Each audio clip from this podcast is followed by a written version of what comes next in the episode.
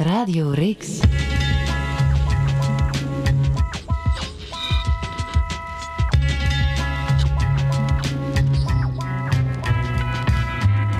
Welkom op Don Vitalski's Antwerpen in de jaren 90. Een podcast van Heb ik jou daar. Gegroet dames en heren, tof dat jullie opnieuw op deze podcast zijn afgestemd. Antwerpen in de jaren 90. We vallen opnieuw met de deur in huis met twee gigantische gessen die de jaren 90 niet alleen hebben waargenomen, maar zelfs hebben vormgegeven. En dat is het brein achter het beroemde café Het Spiegelbeeld, de Spaghetti World, het Salon. En die ook mee heeft gewerkt aan de voorlopende vormen van het grootste festival aller tijden, namelijk Tomorrowland. Dat is inderdaad Sis van Cats. Als je thuis aan de salontafel zit of aan de keukentafel, mag je applaudisseren. Goeiedag, Sis van Cats. Goedemiddag. En verder hebben we hier ook Peter Haaks. Dat is een man die heeft de hele jaren 90 lang intens geschreven voor de cultuurredactie van Gazet van Antwerpen in de tijd toen de media, de geschreven media, veel meer betekenden. Want die hadden toen nog geen concurrentie van het abstracte internet. Goeiedag, Peter Haaks. Goedemiddag, Vital. We mogen wel zeggen, de man die 10.000 toneelstukken zag als journalist. Uh, bijna, bijna, bijna. Peter Haaks, uh, even binnenstappen. Als uh, we nu zeggen de jaren 60, dan denken we spontaan aan brede broekspijpen en rolkraagtruien. Waaraan denk jij spontaan als je ineens in je oor fluisteren de jaren 90? De jaren 90? Um, niet de jaren 80. Dat vind ik goed gezegd. Hoewel dat natuurlijk de jaren 90 wel een schaduw zijn van de jaren 80 in die zin dat we allemaal nieuwwevers waren, toch? Ja, maar wij leefden onder de bombliksem van de atoomoorlogen. Uh, we hadden 16% uh, rente. We hadden uh, hypotheken die niet af te betalen waren. Je bedoelt in de jaren 80? In de jaren 80. Hm. En we moesten allemaal naar het leger.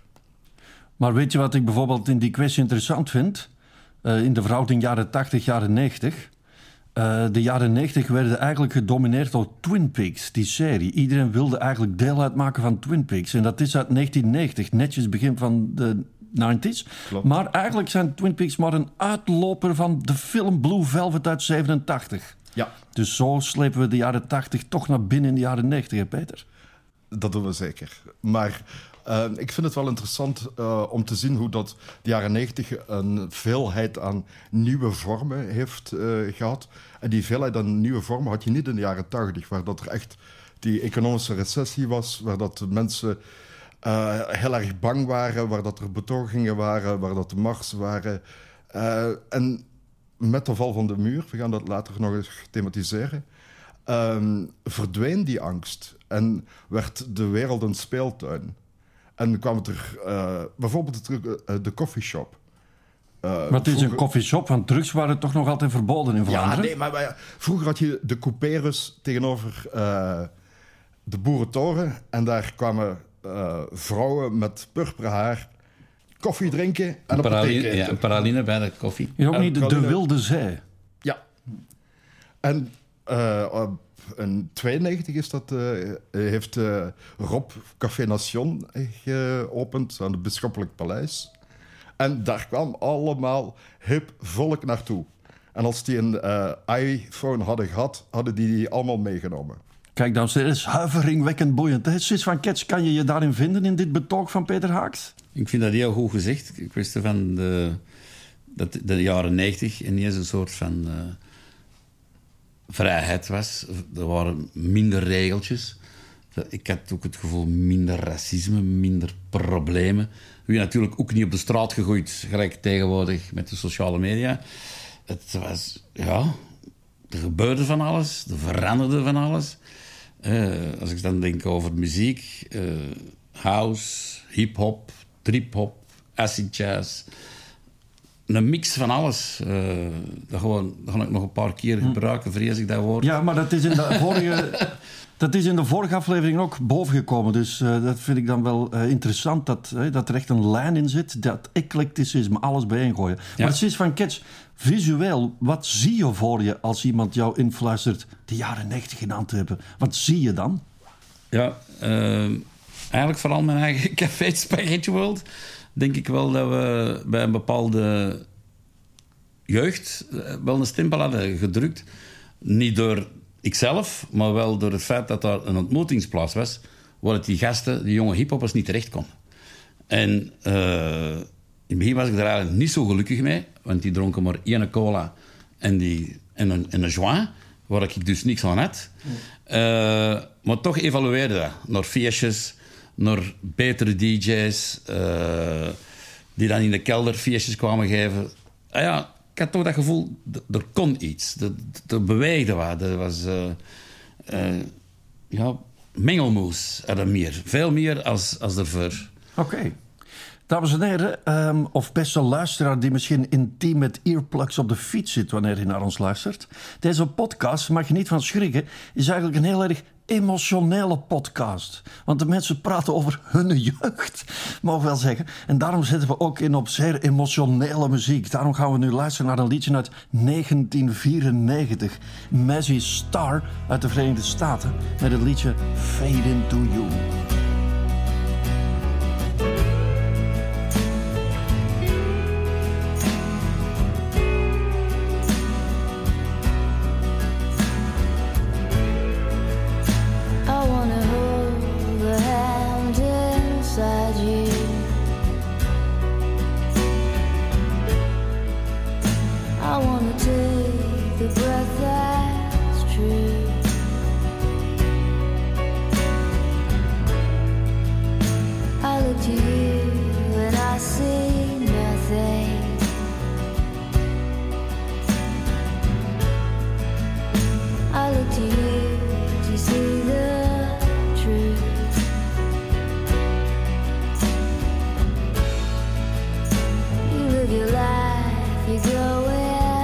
each.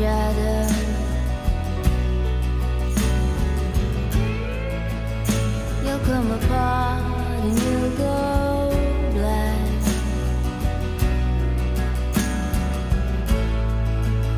Some kind of night.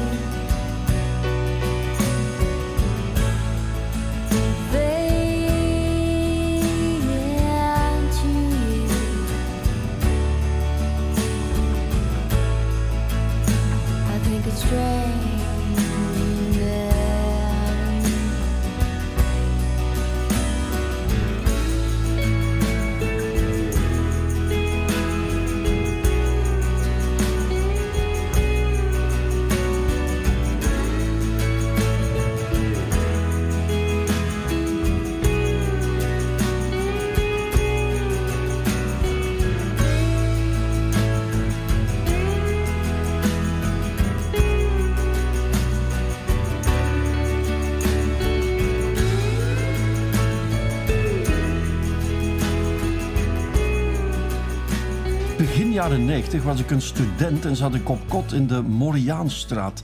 Dat is in het hartje van het oude centrum. Voor een appel en een ijs zat ik daar op kot. Ik denk dat dat ook iets is dat tegenwoordig niet meer kan. Zo goedkoop op kot zitten in het midden van het oude centrum. En het was tof, maar het was ook hard. Want juist tijdens de examenperiode waren daar de bijjaardconcerten. Zit van Kets, de bijjaardconcerten. Daar weet je alles van. Even voor nieuwkomers, wat waren de bijjaardconcerten? Ja, dat is begonnen in de, de Vlaakjesgang. Daar hadden een paar mensen uh, stoelen gezet, omdat je daar een ideaal luistermoment kreeg als de bijaard speelde. Maar waar speelde die bijaard? In een toren van uh, onze lieve vrouw. Ah, voilà, dan mogen er wel bij zijn. Was in de kathedraal. Oh, in de kathedraal, natuurlijk. Ja, ik vind dat vanzelfsprekend. Ja, maar dat is niet vanzelfsprekend, want het bestaat niet meer. Hè. Er, zijn geen bijaardconcerten meer vanuit de kathedraal. Dus. Nee, nee. Dat is een fantastisch ding. En dat, dat weer wat populairder. En dan kwamen de mensen mee in de, laat zeggen, de terrasjes op de oude korenmarkt, die werden dan ook bezet. En op de deur waren er nog meer mensen en die gooiden hun kinderen ergens af. En hun kwamen luisteren. Uh, en dan, ja, die jeugd die verzamelde toen in de grote Pieter Potstraat. tussen, eh, ja, die straat stond rammende vol. Dat waren hoogdagen voor ons. Dat was echt alles aanslepen wat het er aan te slepen viel. Misschien even oriënteren voor toeristen die Antwerpen niet heel goed kennen. Pieter Potstraat, er is onder meer Café de Opzak en de Frituur Number One, geloof Ja, ik. ja, de zijstraat van de Suikera. En gaat daar toen de faam. Dat was ook een, een wereldberoemd, wereldberoemd café. Café. Een wereldberoemd café in Antwerpen. hè. en dan eh, had, ik het spiegelbeeld daarnaast. Dus, ja, dus hier kom jij binnen. Hè? Dus de bijerconcerten maken de Pothoekstraat extreem populair. En Ja. jij zit er met jouw nest. Ja, klopt. Het Spiegelbeeld. Hoe kom je op die naam? Waarom heet jouw café het Spiegelbeeld? Omdat ik ehm, een pannenkoeken-eethuis daarvoor, en dat noemde De Spiegel. En wij wouden eigenlijk een soort van tweede zaak beginnen. Mijn eh, toenmalige vriendin Lieve, zaliger. En die, eh, ja, we dachten spiegel, spiegelbeeld. Nou, En maar het is dan- niet dat er overdreven veel spiegels waren. Mm, Nee. Hoe zag het Spiegelbeeld eruit? Eh, daar krijgen we dat eclectisch eh, eh, woord weer. Eh er was een verschillende stijlen van interieur. En laten we zeggen, ik mag dat toch wel zeggen, dat ik een voorloper was op dat vlak. In bijna al mijn zaken was ik altijd wel net iets anders of sneller of soms ook te vroeg, heb ik ook ondervonden. Maar je had een, opvallende, dat een opvallende vorm. Het was niet your average bruin café. Het zag er heel, het zag er heel bijzonder uit. Ja, het, het was enerzijds Wat voor mo- modern, maar dan ook met een afgebroken plafond en, en, en toch nog een stukje salon, waar dat tegenwoordig bijna in elke winkel is. Als je een winkel binnenstapt, heb je tegenwoordig al een, een, een, een salonnetje en een koffiehoekje en, en, een, en een ander zithoekje. Eh, laten we zeggen dat ik eh, geen heldere geest heb. Kom je eigenlijk... Ja, toch ook een heel goede toog, hè? ja, we hadden ook een goede toog. Maar die had ik uitgemeten. Hè. Dat, was, dat was echt vakwerk. Want het- Ja, die was fantastisch. ja, Misschien even objectief aan Peter Haakzaam vragen. Wat maakte die toog van het Spiegelbeeld dan zo bijzonder? Hij was op 50 meter van mijn deur. ik woonde toen in de Haarstraat, dus ik ken Ah ja, dat dat is verhaal van vlakbij. de Ja, maar dat- bijerconcerten heel erg Maar dat vind ik geen eerlijk antwoord. Waarom was hij toch bijzonder? Niet alleen omdat hij vlak bij jou Ja, was. je had de keuze, ofwel kon je naar de muziekdoos van Etienne Ja. gaan. Daar hebben we natuurlijk vorige week veel over gezien... toen we met Klaas Jansons van Deus aan het praten waren. Ja, juist. Maar daar kon je alleen maar eh punten drinken en polenta eten. ja. En dan had je de Matelote. eh, en dat was een Michelin sterrenrestaurant, dus daar kon je ook niet zomaar naar binnen gaan. Dan had je de Fame en het Spiegelbeeld. En dan, je had natuurlijk de zingende druif, had je daar ook nog. eh, En die kelder, hè? en Die, de Peter Pot. De Pieter Potkelder, de, de halve eh, VMO-kelder piano. eigenlijk. Hè? In de pianokelder waar dat je Ja. leuk, leuke. Vlaamse liedjes kon zingen. Ja, ja, want iemand zei daar juist, er was minder racisme. Maar er was dus wel een VMO-kelder. En voor mensen die nu 16 zijn, de VMO, dat waren toch een beetje de verdoken nazi's die in Antwerpen hoogtij vierden. Sis van Ket, Ja. hoe komt een mens eigenlijk op het masochistische idee om kroegbaas te worden? Ehm, ik heb dat gekregen, die microop, toen ik 12 jaar was, voor de eerste keer naar een trouwfeest ging. En dat ik voor de onkels pintjes moest gaan halen. En ik vond dat fantastisch. Dat was een soort service. De, de mensen waren blij. Ik wist dat ik nog gesmost heb, maar de, de mensen vinden dat niet erg. Want je brengt hun pintjes weer gebracht. Dat was een soort een interactie dat ik eigenlijk zelf toen nog niet begreep. Want ik was 12 jaar, ik dronk niet, ik rookte niet. Dus eh, mijn ouders gingen niet op café. Dus ik kende eigenlijk het caféleven niet. Ik had ook geen... Als ik 19 jaar was, ging ik ook niet op café. Ik, ik, ik heb nooit een, een kroeg gehad, een, een stamkroeg. Ik vind dat erg ontroerend, Sis, dat je als 12-jarig jongetje dan vreugde schiep, of schept, ik weet het niet precies, eh, dat eh, pintjes aanbrengen. Maar heb je dan daarna die vreugde daar ook in teruggevonden? Want daarna werd dat toch iets met veel meer zwaartekracht, die stiel. Ehm, Was ja, laten we zeggen dat het... eh, en dan denk ik volgens mij dat we een soort kern komen van de jaren negentig. Er kon veel meer. Er waren veel minder regeltjes. Dat was ook nog niet zo'n uitgebreide dop. Dus elke mislukte of nog niet gelukte theaterman, eh, acteur, die kwamen bijklussen. Philip Peters, Manu Dingen, die hebben bij mij al Manu, achter... de- huh? Manu Kersting. Ja, die, heb- die hebben bij mij achter de toog gestaan. Dus de jaren 90 die begonnen met de val van de muur in Berlijn. Maar in Antwerpen begonnen die misschien Sis, met de opening van Café d'Anvers. Ja, ik heb Waar dat... was Café d'Anvers?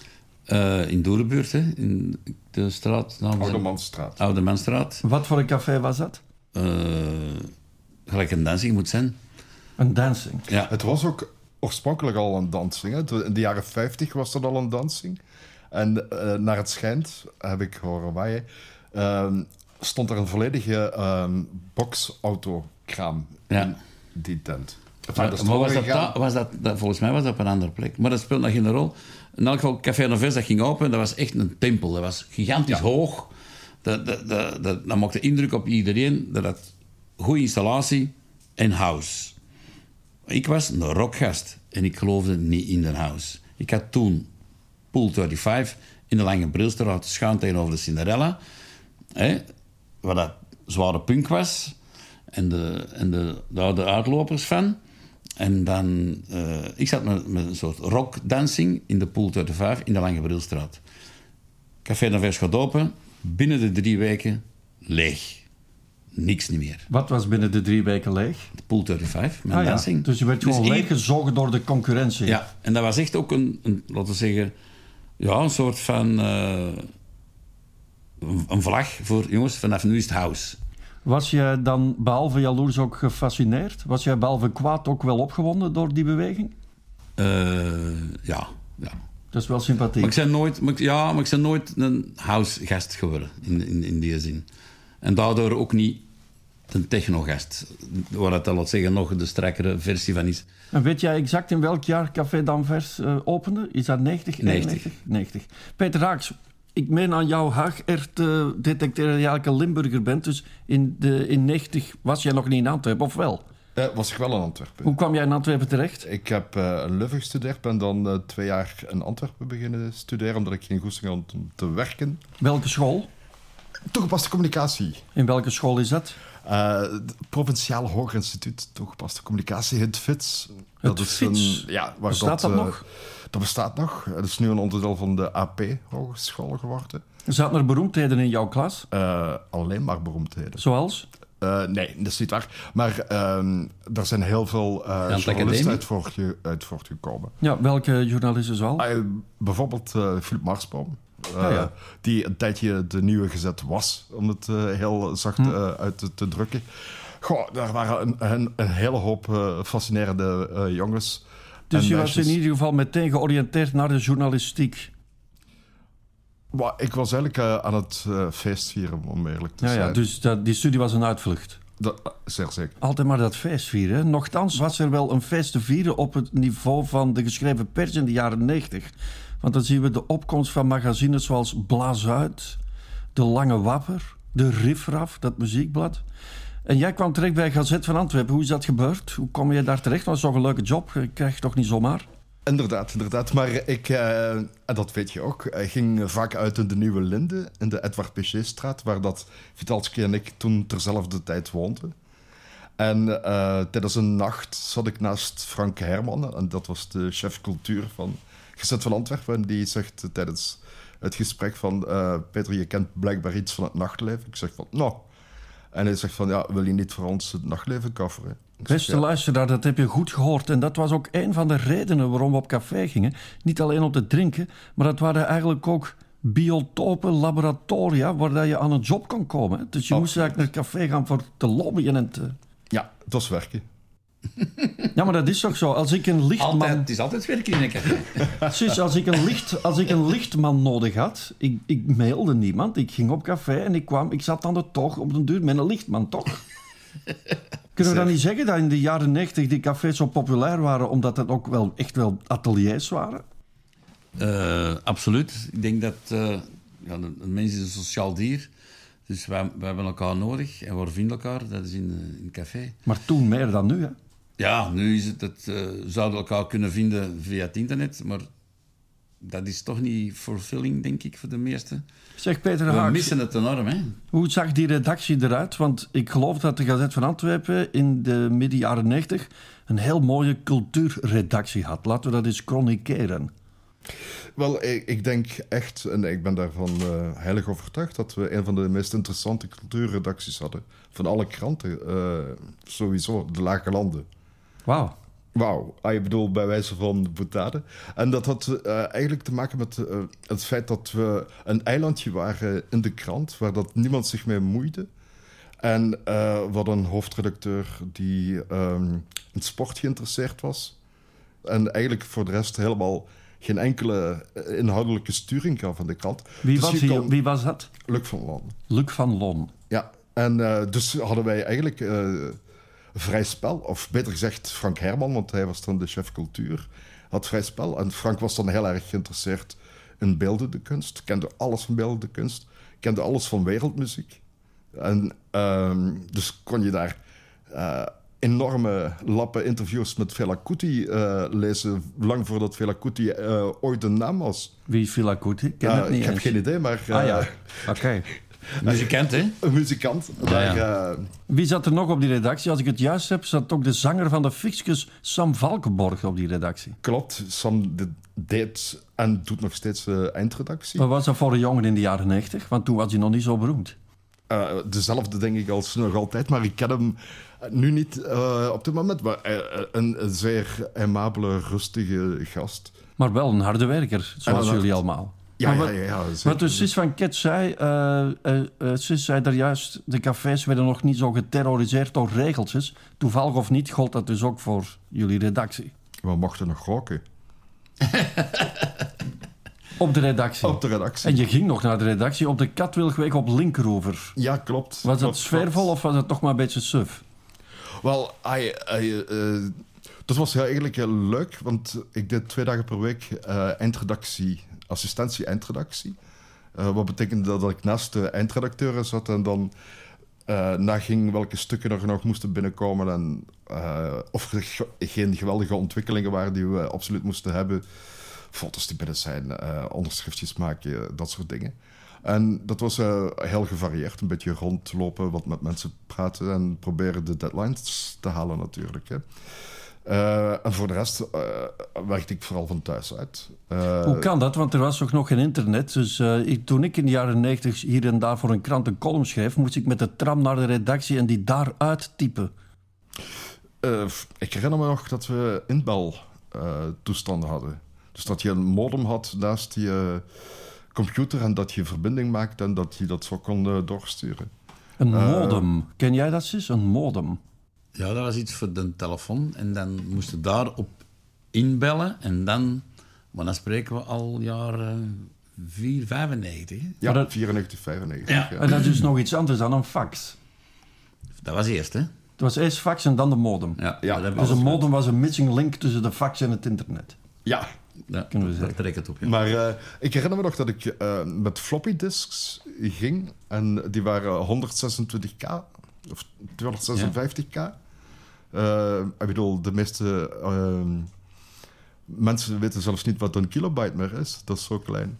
Ja. En daar komt dan net één, één artikeltje op. Eén artikel op een floppy disk. Ja. We hadden wel het beste desktop publishing programma aller tijden. En uh, ik herinner me dat we dus een klavier hadden. En die had dan de 26 toetsen, of hoeveel heb je er nodig voor het alfabet. En dan waren er 104 functietoetsen. Naast de toetsenbord. Voor hoofdletter, komma, spatie, al ja, dat soort dingen. laatste tekst was dan Ctrl-Alt uh, 1 tot 3. En dan Ctrl-Alt F1 tot F3. En dan moest die gelijktijdig en dan werd dat gemarkeerd. Dan moest je een andere bewerking doen en dan werd op magische wijze je tekst opeens gereorganiseerd. Heb jij zelfs niet een internetcafé gehad, uh, Sus van Kets? Want dat is dan toch ook wel pionierswerk. Vroege jaren 90 had jij een internetcafé. Ja, ik heb dat niet zelf begonnen. Dat was de, de zoon van uh, die mannen van Namelings. En die geloofde er heel hard in. En zijn zoon ging een internetcafé doen. En dat was in Mortsel. Het eerste internetcafé van Antwerpen was in Mortsel. Ja, dat is ook in België. Ook wel flauwekul eigenlijk, hè? Ja, en dat was op een hoek gelegen. En dat draaide verlies. En dan Via... dan moeten ze jou hebben. Ja, dan, uh, via via zijn daar, hebben ze mij dan gevraagd. Dat heeft toch wel een half jaar tot een jaar geduurd. Eer ik daar een, uiteindelijk een koppel heb gevonden die dat dan runde en die dat alles kende van zowel die pc's als het internet.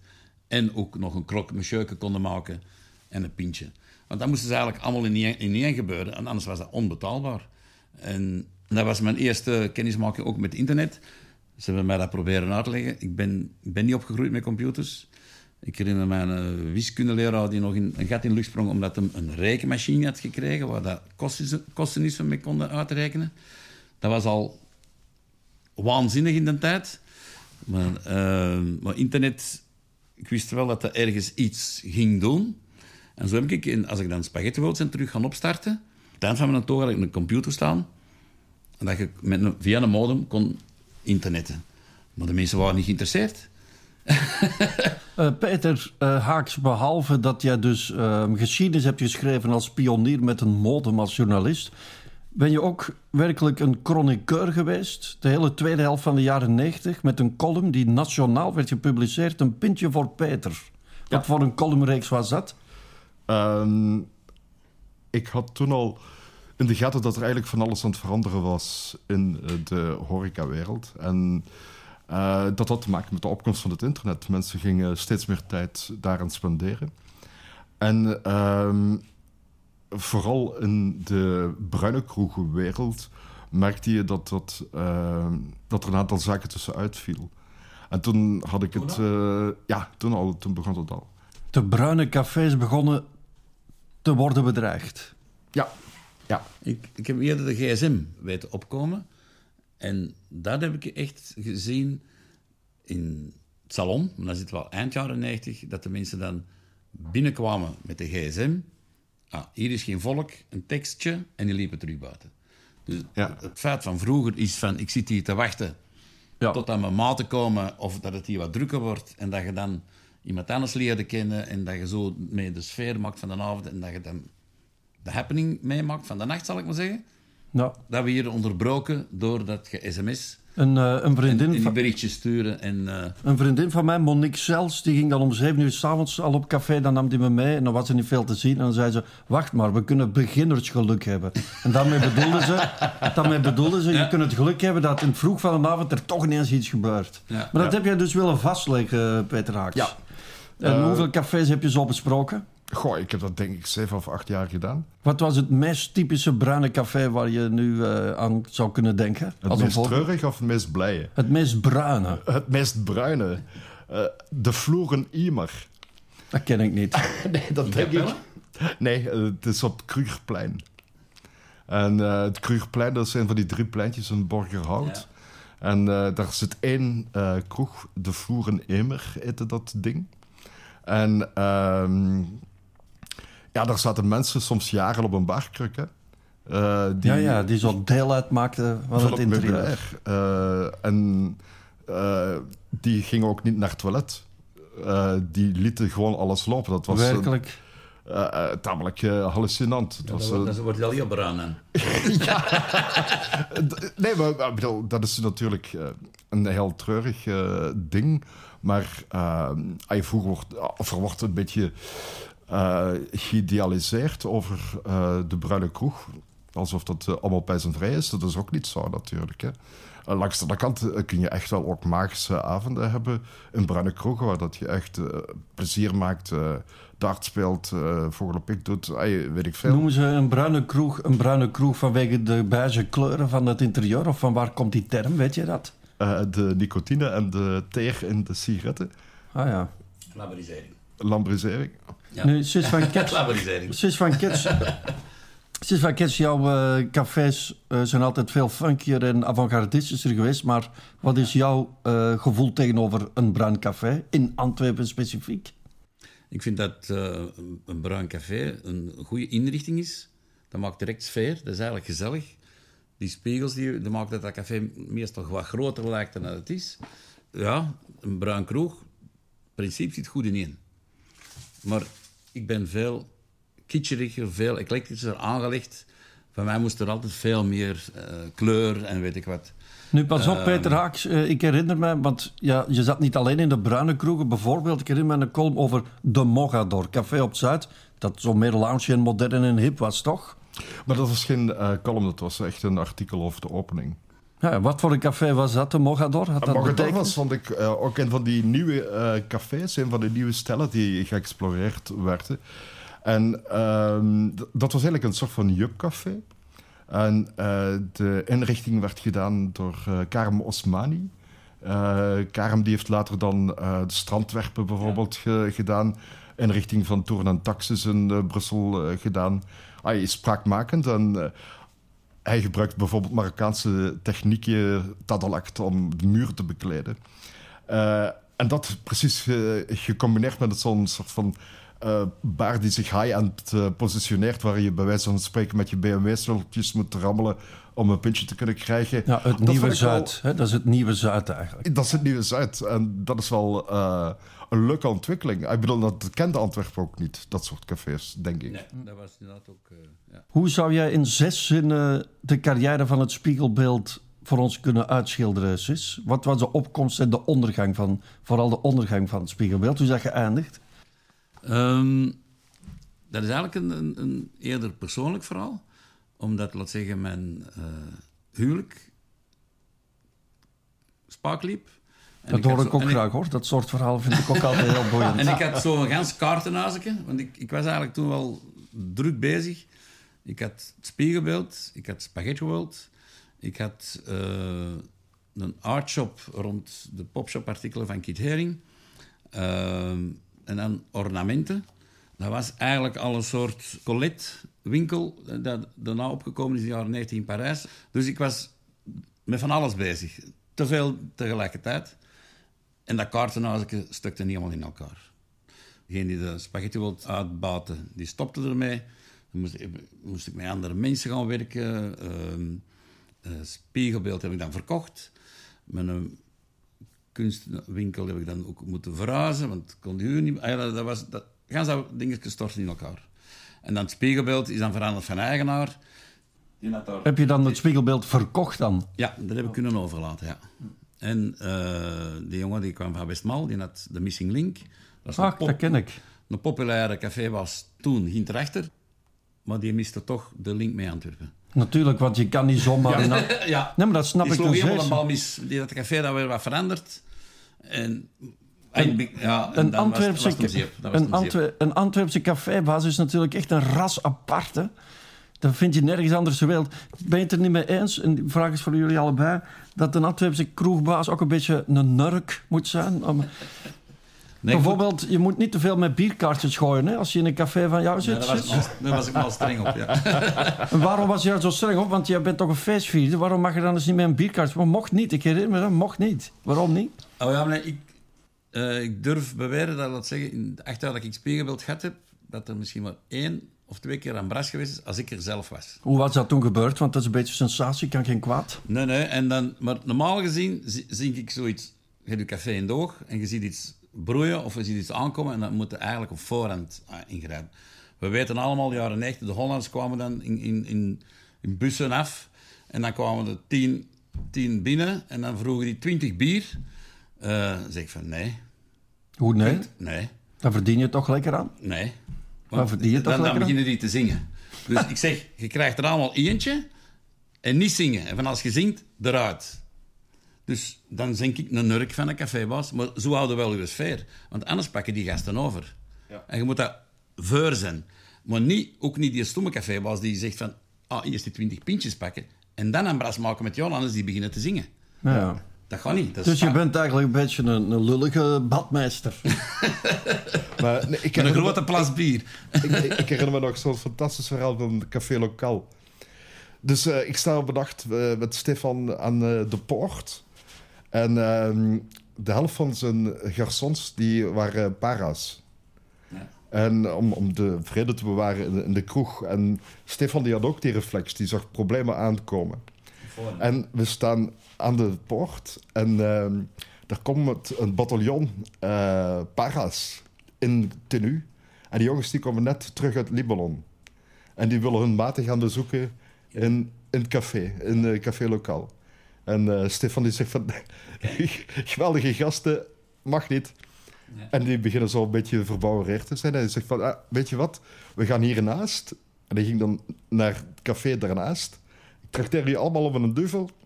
En ik leg je uit waarom dat ik dat niet wil. Mooi. Mooi. Ja, en die jongens die komen buiten en dit zijn de beste vrienden. Sis, noem eens een liedje dat vaak speelde in het spiegelbeeld.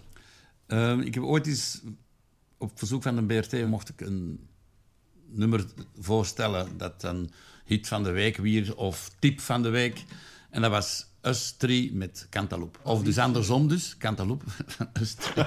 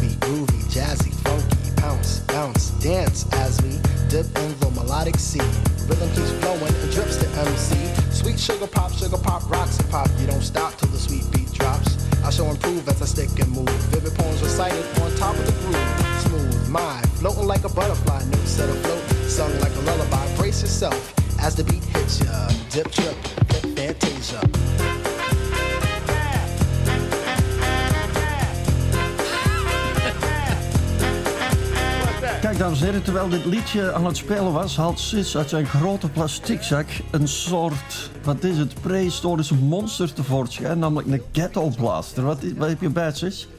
Ik heb een, ja, een, een ghetto blaster, maar deze is een van de jaren 90. Ja, Niet alleen cassettes, ook cd's. ja. En, helemaal nieuw, eind jaren 90, minidisc. Minidisc. Want dit was wat jij draaide in jouw cafés. Hè? Toen was er natuurlijk Ja, nog niet... we al... eh, Er was geen Spotify, dus... Nee, nee. Ik, en ik probeerde het- toen de, de, de, de DJ-sessies eh, op te nemen. Om zo'n beetje de sfeer... Om dan later... Zet eens eh, op, zet eens gelijk op. Oh ja. Ik heb hier uh, zowat uh, acid jazz, uh, de man Groove Motion. Er komt en- niet veel geluid uit. Nee. Dat Jammer. ik- Er komt geen geluid uit. Ik Ja. heb die er gewoon niet insteken. Hallo. En wat horen we? Wat voor genre is dit toevallig? Ehm Hoe zouden we dit noemen? jazz parties waren toen ook eh, heel favoriet.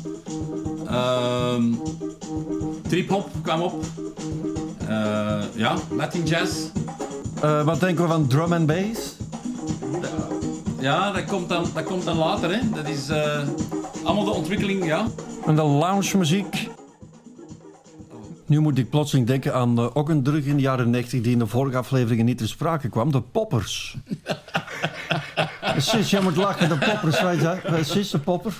Ja, maar dat is, dat is zo gay. Ja, inderdaad. Ja. Dat is, dat Want is- daar ga je achterwerk dat- van dat- uiteen. Dan, komt de, ja, dan ging je naar de Red and Blue. Maar eh, voor mensen die er niks van kennen, zo'n dat? moet je dat drinken, moet je dat eten? Ik ben daar helemaal geen fan van. Dat, Nee, maar dat denk dat je begrijpen we. inhaleert.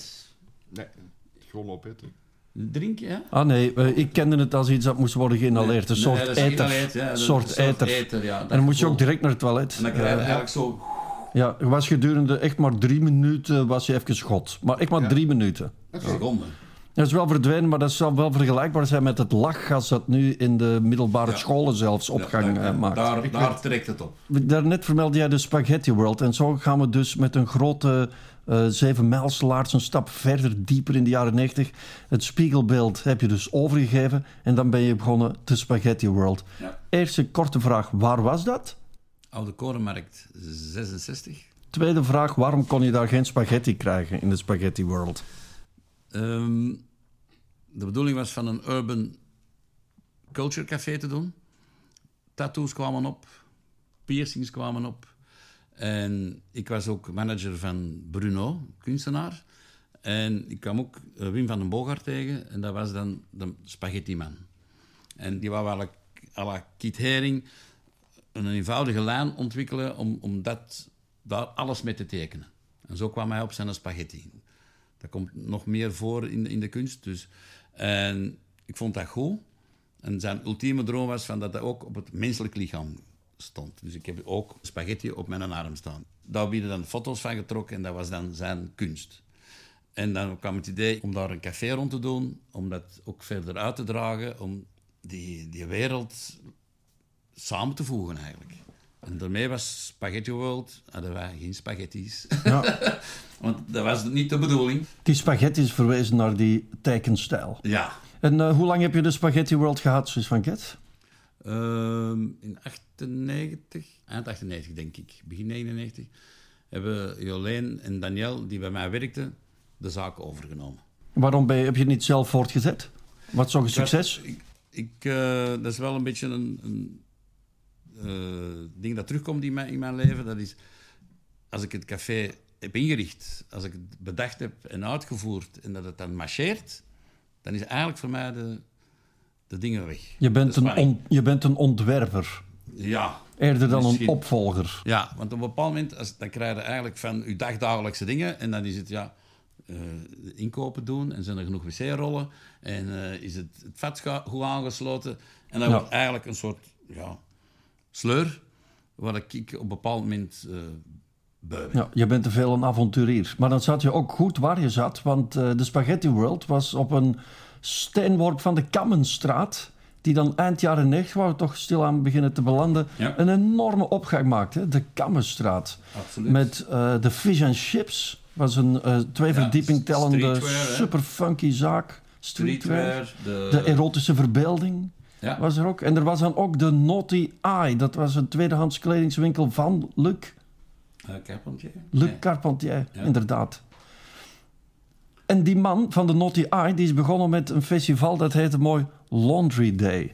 En daar had hij toch ook iets mee te maken, het is met Laundry Day. Ja, maar toen had ik al salon, denk ik. Is echt 99. De eerste Laundry Day was in 98. ja. Want dat was dan voor een paar honderd man, waren er vier, vier podiums en acht DJ's of zo. Ja. In 98. Ja, en dan in 92, in 99 heb ik daar al de togen gedaan. Wat wil dat zeggen, alle togen doen op Laundry Day? Dat wil zeggen dat je eh, een tent had met eh frisdranken en, en, en eh, ik denk warme dranken. Dat is iets dat mensen niet graag tappen. laten maken toen en zelf ontworpen.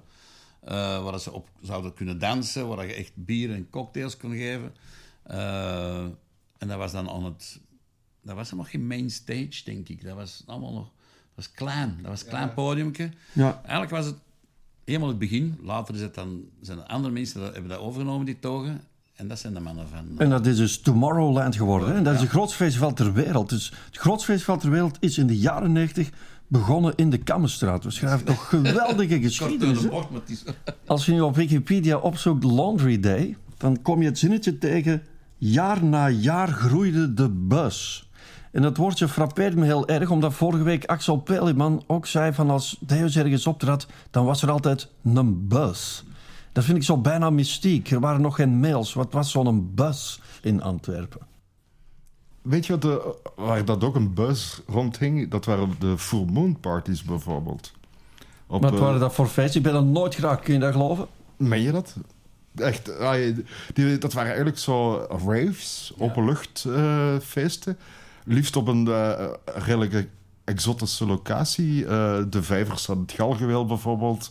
Eh, op de Konijnenwei hebben ze het er gedaan. Zuidstation. Zuidstation hebben ze het er gedaan. En eh, Ja.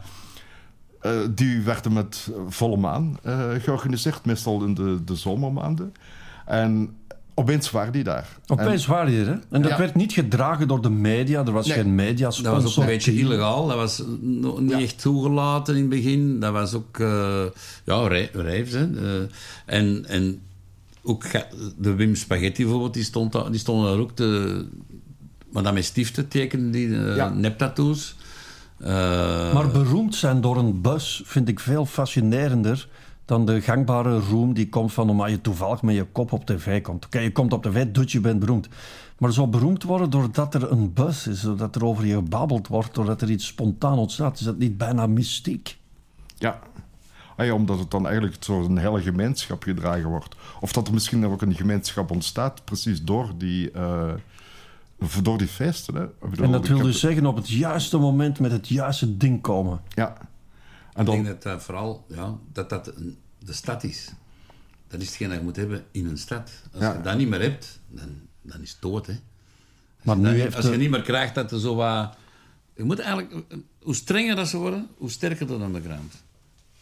dat wil zeggen dat we nu een goede tijd tegemoet gaan. Ja, maar dat, dat gewoon nog eventjes duren, vrees ik. Dames en heren, we luisteren gewoon een halve minuut naar Pulp Fiction.